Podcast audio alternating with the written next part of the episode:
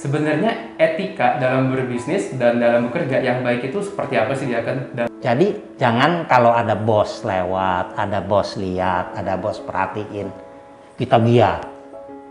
Kalau enggak, ya kita lemes lagi. Orang jadi berlaku juga bos-bosnya jangan selalu mengancam anak buah. Dia belinya 10 misalkan. Suruh buka 20. Aduh, suruh buka 20. Padahal dia beli 10. Pusing kan kita.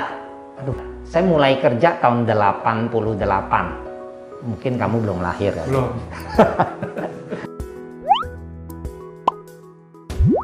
Haleluya, kembali lagi bersama kami di podcast Gereja Sejati. Pada sore hari ini kita sudah ditemani oleh Diaken Handi ya. Terima kasih Diaken Handi udah datang. Haleluya. Haleluya. Nah, pada kesempatan kali ini kita mau tanya-tanya banyak nih ke Diaken Handi ya. Khususnya tentang topik yang sangat-sangat kita rasakan nih. Terutama bagi saya dan mungkin bagi teman-teman yang lagi nonton podcast ini. Yaitu seputar bisnis dan dunia kerja nih Diaken.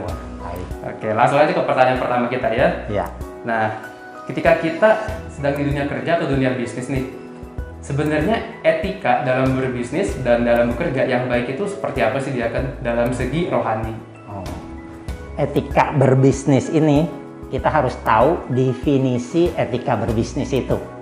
Ya, definisi etika berbisnis merupakan cara untuk melakukan kegiatan bisnis yang mencakup seluruh aspek yang berkaitan dengan individu, perusahaan, dan juga masyarakat.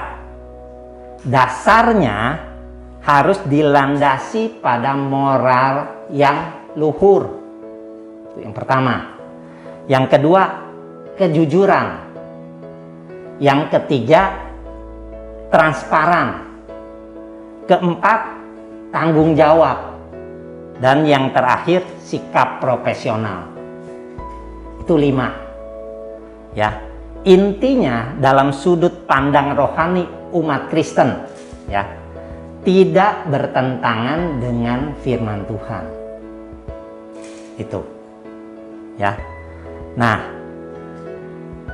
kalau kita bisa jalankan semua itu, maka bisnis yang kita jalankan itu otomatis pasti diberkati Tuhan. Oke. Kalau tadi dari teorinya ya, kalau dari contoh kasus realnya nih, Pak Diaken, Contohnya. ada nggak jadi contohnya nih buat kita? Ada banyak. Kalau sikap eh, moral yang luhur, ya, kita jual suatu produk ya, kita lihat kalau kayak barang itu sudah kadaluarsa, tidak layak untuk dikonsumsi, pantas nggak kita menjual barang itu? Nah itu kita kita pikir sendiri, ya itu dari eh, moral yang luhur, kejujuran. Nah kejujuran itu penting. Kejujuran itu kalau kita mau menjual barang, ya kita harus jujur. Jangan orang beli harga barang A, kita tuker ntar har- harga jadi pakai barang B. Kita ituin. Itu banyak-banyak terjadi. Kita lihat di dunia bisnis itu sering kali terjadi ketidakjujuran. Ya, itu transparan. Nah, transparan tuh kita harus jelaskan produk-produk kita. Kita jelaskan. Kalau barang murah bagaimana? Ini ini ini, ini dampaknya. Kalau barang mahal ini ini ini. Nah, kita lihat orang itu butuh barang apa? Cukup nggak? Budget dia, apa dia? Nah, kita sarankan. Jangan semata-mata kita sarankan yang menguntungkan diri kita semua. Tinggi. Padahal orang itu nggak butuh. Nah, ini kita kita lihat dari transparan. Tanggung jawab. Nah, kalau kita dikomplain, ya sesuatu barang kan ada ada kalanya eh, kurang baik, ya produk, ya apalagi elektronik, ya sering kali elektronik tuh sulit, ya. Nah, kita tanggung jawabnya menjual produk-produk itu, ya. Nah, sikap profesional ini untuk mendukung semuanya itu. Berarti itu berlaku juga ya. Jadi mau kita di bisnis, mau kita sebagai karyawan ya yang bekerja ke bos kita, itu semua berlaku ya. Berarti nggak ada hal yang kita tutup-tutupi dan kita tuh berlaku adil ya Betul. pada semua orang ya yang kita Mm-mm. kita pekerjakan. Nah, ya kan kalau misalkan nih di dunia kerja ini kan banyak sekali nih kita kerja mungkin em, di lingkungan orang-orang yang tidak mengenal firman Tuhan juga. Betul. Nah, jadi kita sebagai jemaat GYS nih, dalam lingkungan pekerjaan kita, apa sih yang membedakan kita dengan orang lain itu? Nah, kalau kita sebagai gereja Yesus, eh, anggota gereja Yesus Jati, hendaknya kita itu di dalam menjalankan usaha bisnis atau bekerja itu, kita eh, menjalankan itu harus menjadi terang Kristus. Apa yang diajarkan oleh Tuhan Yesus, hendaklah kita jalankan seperti itu seperti ada tertulis dalam Rasul eh, dari Rasul Paulus kepada jemaat di Efesus. Coba kita sama-sama buka ya. Di dalam kitab Efesus pasal yang ke-6 ayat 5 ayat 5 dulu. Aku baca ya. Boleh baca. Dan nama Tuhan Yesus membaca ayat Alkitab dari Efesus pasal 6 ayat yang kelima. Hai hamba-hamba, taatilah Tuhanmu yang di dunia dengan takut dan gentar, dan dengan tulus hati, sama seperti kamu taat kepada Kristus. Nah, kalau kita lihat hamba-hamba taat kepada Tuhanmu di dunia dengan takut dan gentar dan dengan tulus hati sama seperti taat kepada Kristus. Jadi kalau kita bekerja itu kita taat kepada itu sama seperti kita taat kepada Kristus. Kita lanjutkan ayat 6. Ayat yang keenam, jangan hanya di hadapan mereka saja untuk menyenangkan hati orang, tetapi sebagai hamba-hamba Kristus yang dengan segenap hati melakukan kehendak Allah. Tuh. Jadi kalau kita lihat bekerja itu sama seperti kita bekerja untuk Tuhan. Jadi jangan kalau ada bos lewat, ada bos lihat, ada bos perhatiin, kita giat. Kalau enggak, ya kita lemes lagi. Orang-orang sekeliling kita akan ngeliat. Kalau kita bekerja sebenar-benarnya, akhirnya hasilnya pun akan kita rasakan. Siapa yang yang eh, bisa memberikan hasil? Otomatis yang pertama-tama itu Tuhan. Coba kita lanjutkan lagi ayat 7 dan 8. Kamu baca. Efesus 6 ayat 7 dan 8 ayat 7 dan yang dengan rela menjalankan pelayanannya seperti orang-orang yang melayani Tuhan dan bukan manusia. Ayat 8 Kamu tahu bahwa setiap orang baik hamba maupun orang merdeka kalau ia telah berbuat sesuatu yang baik ia akan menerima balasannya dari Tuhan. Tuh. Balasannya dari Tuhan. Otomatis Tuhan menggerakkan bosnya untuk memberikan sesuatu kepada kamunya. Tapi kalau kamu sendiri ah ogah-ogahan kerja, karir nggak naik-naik. Nah itu jadinya akhirnya turun. Nah ini juga berlaku juga nih bagi bos-bosnya. Di ayat 9 coba kamu baca. Oke. Ayat ke-9 Dan kamu tuan-tuan Perbuatlah demikian juga terhadap mereka Dan jauhkanlah ancaman Ingatlah bahwa Tuhan mereka dan Tuhan kamu ada di sorga Dan ia tidak memandang muka Tuh. Jadi berlaku juga bos-bosnya jangan selalu mengancam anak buah. Gimana gimana gimana. Nah, tapi jadi ada timbal balik antara karyawan dan bosnya. Nah, inilah yang yang menjadikan suatu perusahaan itu menjadi baik. Ada timbal balik semua. Jadi malah harusnya kita ya yang menjadi pembeda ya dari kantor lain dari Nah. orang-orang lain Semua berasal dari diri kita sendiri ya. Betul. baik di sisi kita sebagai karyawan maupun di sisi kita sebagai tuannya ya atau pemilik usaha misalkan. Jadi intinya kalau kita dalam bekerja harus memancarkan terang Kristus. Ya. Kalau kita mau maju ya, kita harus lebih ya, lebih rajin. Jadi kalau orang biasa bagaimana? Kita harus lebih rajin. Ya, kedua, kita harus lebih disiplin. Nah, banyak nih kita saya melihat ya dari orang-orang Kristen mentang-mentang dia ada koneksi, wah bosnya ini ini ini nggak disiplin lagi. Masuk semaunya, apa pulang semaunya, ini semaunya. Dengan alasan apa? Saya telat, tapi kan saya pulang lebih belakang. Nah, dengan alasan-alasan itu saya pernah seperti itu juga pada saat saya karyawan, saya lihat. Ya, kebetulan dulu saya pernah referensi kerja di satu perusahaan Jepang. Saya mesti pada saat saya kerja itu saya masih kuliah. Otomatis saya pun mengajukan uh, pulang lebih cepat karena saya ada kuli ada ada boleh bilang uh, ada kuliah lah di di hari-hari tertentu gitu saya minta izin. Ya. Nah otomatis pada saat itu saya pulang lebih belakang. Ya. Nah pada saat kontite mengenai disiplin, saya kurang di situ. Saya bilang kan saya pulang lebih belakang. Ini nih, dia kan soal pulang lebih belakang itu urusan situ, tapi itu sudah kamu sudah melanggar uh, kedisiplinan uh, perusahaan, walaupun udah izin ya. Tapi soal soal itunya kurang. Saya berpikir-pikir benar juga. Kalau kita sebagai Kristen, ya kita jangan lebihnya kita tonjolin. Lebihnya itu bonus yang kita berikan kepada perusahaan. Tapi kurangnya kita, ya memang kita uh, ada waktu tertentu yang memang saya melanggar. Ya kita bisa terima. Saya terima, terima, karir tetap lebih cepat naik kok. Di situ.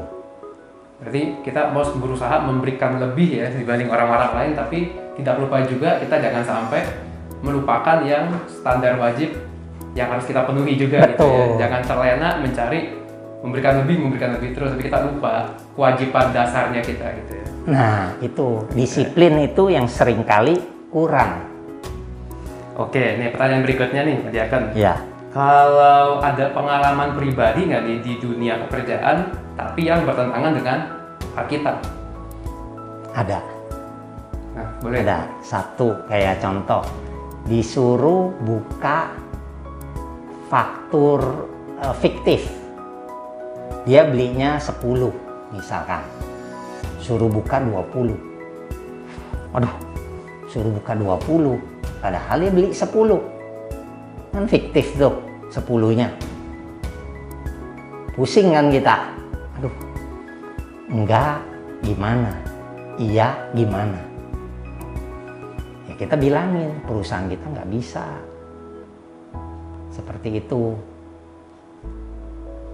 ya nah kita harus nah ada ke, ke, ke menurut mereka kita kan kurang nih. Wah lu nggak bisa diatur begini begini ya tapi kita kasih sesuatu yang lebih lebih untuk mereka. Servisnya apanya harganya itu ke mereka baik. Lambat laun kalau kita lihat ya, kalau kita sistem transparansi, jujur apa semua, akhirnya kita kepake terhadap perusahaan-perusahaan yang model begitu kan umumnya perusahaan itu kan lambat laun kan akan merosot bangkrut ya karena digerogotin sama karyawan-karyawannya nah kita pada saat bangkrut kan kita nggak kena sama mereka kita supply ke perusahaan-perusahaan yang bagus. Jadi akhirnya kita juga naik terus. Itu satu, ya. Ada juga banyak tadi. Saya kan tadi uraikan, ya, sistem-sistem eh, moral, kejujuran, transparan, ya, nah, tanggung jawab. Nah, tanggung jawab ini ada nih. Kebetulan satu perusahaan ya, yang penghasil tempat pabriknya ya pada saat itu eh, Jepangnya ya ada proyek masalah nih kan kita panggil dong kita panggil dari eh, produsen barang itu. Ya produsen barang itu Jepangnya datang dipanggil sama konglomerat. Aturan kan pasti diomelin kan. Kenapa ini bisa begini? Kenapa hasilnya begini begini, begini. ya. Tapi semua dijawab. Jawaban dari dari pimpinan Jepangnya di root di ya ini semua tanggung jawab kita kita akan perbaiki semua. Yang aturan orang itu mau marah konglomerat itu konglomerat itu boleh bilang gede lah ya. Mau marah akhirnya kasih order lagi. Nah itu kita lihat. Yang semuanya aturan dari kita orang wah kita siap-siap diomelin. Kita profesional. Jangan diomelin kita nggak berani datang. Kita tetap datang. Kita tanggung jawab tapi dari kita tanggung jawab begitu kita ngomong kita bertanggung jawab kita akan memperbaiki kita apa malah dikasih order lagi Nah ini ini banyak beberapa kasus yang saya perhatikan itu luar biasa. Itulah kejujuran, tanggung jawab, ya, transparan. Nah itu semua di dalam bisnis itu penting sekali. Banyak orang ah ini nggak apa-apa, ini nggak apa-apa, itu nggak apa-apa. Yang akhirnya nggak membuat kita itu mungkin di tempat pada saat itu kelihatannya oke. Okay. Tapi untuk masa yang akan datang, masa belakangnya itu justru menjatuhkan. Nah ini ada pertanyaan lagi nih. Kalau di zaman zaman kita nih, saya kan sebagai anak muda nih, ya. kan ya. Aduh, biasanya kalau nemu godaan-godaan di tempat kantor ya, apalagi kan sedang di usia-usia yang ambisius ya untuk ngejar karir, pengen hmm. cepet naik gitu ya. Ya godaan itu banyak banget lah kayak tadi. Pak kan udah ngerasain ya di zaman zaman itu. Nah mau minta nih kan tips-tips untuk cara supaya kita bisa menghindarkan diri nih dari godaan-godaan kayak seperti itu. Ya nomor satu ya kita e, dari segi rohani kita mesti kuat dulu kuat dulu sering baca Alkitab jadi tahu firman Tuhan tahu firman Tuhan yang mendalam, yang mendasar. Jadi kita sering baca Alkitab, sering dengerin firman Tuhan, ya, jangan jemu-jemu karena Alkitab itu kita tahu, ya. Firman Tuhan itu pelita bagi bagi apa? Kaki kakiku, kita. terang bagi jalanku. Di Mazmur 119. Ya. Nah, itu jadi mau nggak mau kita harus baca firman Tuhan, kita sering dengar firman Tuhan dan jangan jauhkan dari community eh, orang-orang uh, yang dekat dengan firman Tuhan. Nah itu itu inti dari dari itu dulu. Nah kalau kita udah itu, nah kita mulai ekspansi, gedein, gedein, gedein, yang akhirnya Tuhan sendiri akhir memimpin segala langkah jalan-jalan kita. Saya pun pertama sejak uh, saya kerja, saya mulai kerja tahun 88. Mungkin kamu belum lahir kan? Belum. nah, tahun 88 saya kerja. Ya, di perusahaan ya cukup besar juga. Kerja dua setengah tahun, terus akhirnya uh, sama teman-teman diriin satu perusahaan. Ya, sekarang sudah jalan tahun ke 31. Jadi udah 30 tahun nih. Sekarang masuk ke tahun 31. Nah, di dalam usaha itu kan ekonomi itu kalau saya lihat setiap 10 tahun ada krisis. Ya, kita bangun tahun 91 percis Januari. Januari tanggal 7 itu saya ingat di aktenya tanggal 7 itu dari tahun 90-an ada krisis. Kita tahu 97 Indonesia ini termasuk krisis cukup besar. Ya, kerusuhannya 98. Dampaknya 99 masih dampak. Jadi itu di masa-masa itu ya kita kan berusaha gimana supaya tetap eksis. Tapi saya lihat semua itu ada di dalam Alkitab ya pada masa baik kita ada nggak simpen pada masa susah ada nggak kita pakai itu zaman busuk It- itu. Nah di situ kita bisa rasain, kita ditolong. Wah, lagi zaman susah begitu ya. Pada saat mau masuk krisis, eh dibayar utang yang udah setahun dibayar sama prinsipal. Justru yang sekarang saya ageni. Dulu saya supply ke ke perusahaan itu. Lagi susah dia bayar. Padahal itu udah utang satu tahun lebih nggak bayar-bayar. Kita terus lagi susah itu.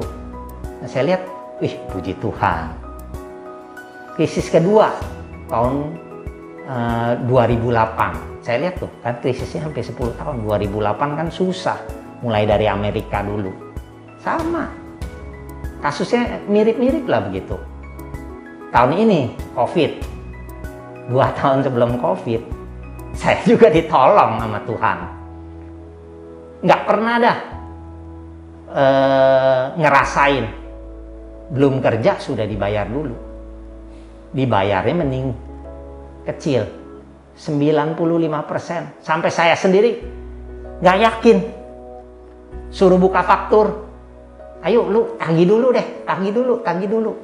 Ya saya lihat disuruh tagih dulu gini gini gini gini ya Ya, akhirnya memang lolos. Sampai dia tunda-tunda jangan jangan dipasang dulu itu barang jangan dikirim dulu tapi sama anak buah saya sikat aja terus. Akhirnya suruh bongkar. Kenapa? Ya jangan. Itu belum dapat izinnya. Belum dapat izinnya. Aduh saya bilang ini udah udah nyetok di di gudang udah lama. Nah, kita paksa pasang gitu. Nah itu saya lihat banyak hal yang saya saya rasakan selama 30-an tahun usaha itu ada aja pertolongan Nah lagi booming-booming begitu kan, akhirnya kita kumpulin loh. Zaman sekarang lagi susah, ada aja. Jadi nggak eh, pengaruhnya. Di situ jadi saya lihat, oh semua ada dalam bisnis. Yang penting ada kejujuran kayak Yusuf. Yusuf jujur kan, suruh ini, suruh ini, suruh apa, semua juga senang. Semua senang. Lagi dia di penjara, kepala penjara seneng. Lagi di diam di mana? Di Potifar, sampai istrinya seneng. di mana? Semua seneng. Karena dia baik, dia ini, dia jujur, dia ini, itu semua. Nah di situ. Jadi kita back to Bible tetap ya. Aturan Itu. paling pentingnya itu back to Uh-uh. Bible dan jangan tinggalin komunitas kita ya kan ya, Betul. yang udah ada ya. Karena komunitas juga bisa ngejagain kita ya. Ah, Kadang kita suka nggak kuat. Em, udah berusaha baca kitab pun mungkin sewaktu-waktu kita ada aja gitu ya. Iya. Waktu-waktu yang kita bisa nggak kuat gitu ya. Tapi itulah pentingnya komunitas ya, komunitas rohani kita di situ. Jadi masih ada yang bisa nopang kita ketika kita jatuh ya. Nah, terutama pasangan hidup kita. Itu, itu pengaruh. Gimana tuh pengaruhnya tuh pasangan hidup? Banyak orang gagal justru dari pasangan hidupnya. Dari pasangan hidup, wah, nuntut yang terlalu apa-apa-apa, yang akhirnya kita nggak bisa mikir lagi ngikutin. Nah itu justru cari pasangan yang seiman. Satu Tuhan, satu iman, satu baptisan. Ini tiga-tiganya nggak bisa dipisahkan. Kalau kita cuma satu iman,